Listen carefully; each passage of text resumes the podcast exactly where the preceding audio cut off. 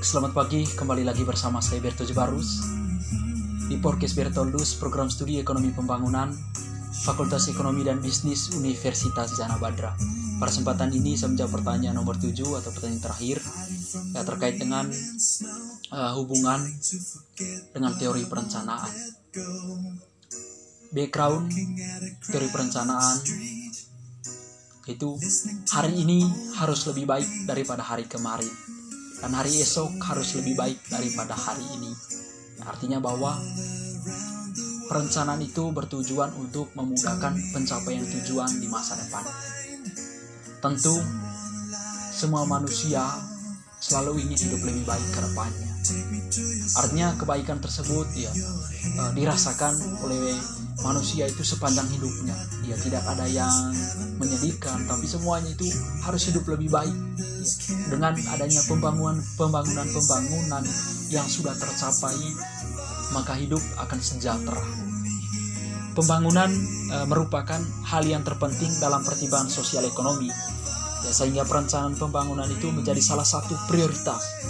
Prioritas. Namun uh, demikian jika namun demikian jika pembangunan itu dirasa belum maksimal uh, maka pemerintah kembali maksimalkan perencanaan pembangunan yang sebelumnya disiapkan artinya ketika perencanaan itu belum dirasa uh, maksimal artinya perencanaan itu belum selesai ya maka pemerintah itu ya secepatnya kembali uh, memaksimalkan jika kita berbicara tentang pembangunan ya, di Indonesia pada umumnya, maka sejak dikeluarkannya Undang-Undang Nomor 25 Tahun 2004 tentang Sistem Perencanaan Pembangunan Nasional, kedudukan perencanaan pembangunan daerah di Indonesia menjadi semakin kuat.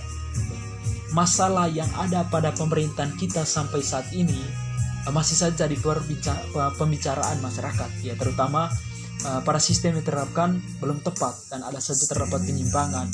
Ini berarti Eh, landasan pembangunan nasional itu masih perlu dipertanyakan. Ya oleh sebab itu pemerintah perlu memberikan perhatian lebih serius ya pada persoalan pembangunan negara kita. Ya, sehingga ke depannya tata pemerintahan khususnya pada pembangunan masyarakat yang berkelanjutan bisa menjadi uh, lebih baik dari sekarang. Pembangunan itu ya artinya hasil atau output dari adanya suatu perencanaan ya sehingga pembangunan terjadi setelah adanya perencanaan. Namun jika kita lihat di lapangan, ya, banyak sekali pembangunan itu yang tidak sesuai dengan perencanaannya. Apa yang terjadi dalam kenyataannya uh, bukan hasil dari perencanaan, ya, namun uh, suatu mekanisme pasar. Artinya dalam hal ini uh, perencanaan itu mempunyai fungsi mengarahkan pembangunan agar sesuai dengan tujuan utamanya. Pada intinya, ketika semua pembangunan itu ya, sudah tercapai, maka hidup manusia itu ke depannya itu akan lebih baik. Uh, kurang lebih seperti itu jawaban saya yang terkait dengan pertanyaan terakhir. Saya akhiri cukup sekian. Terima kasih.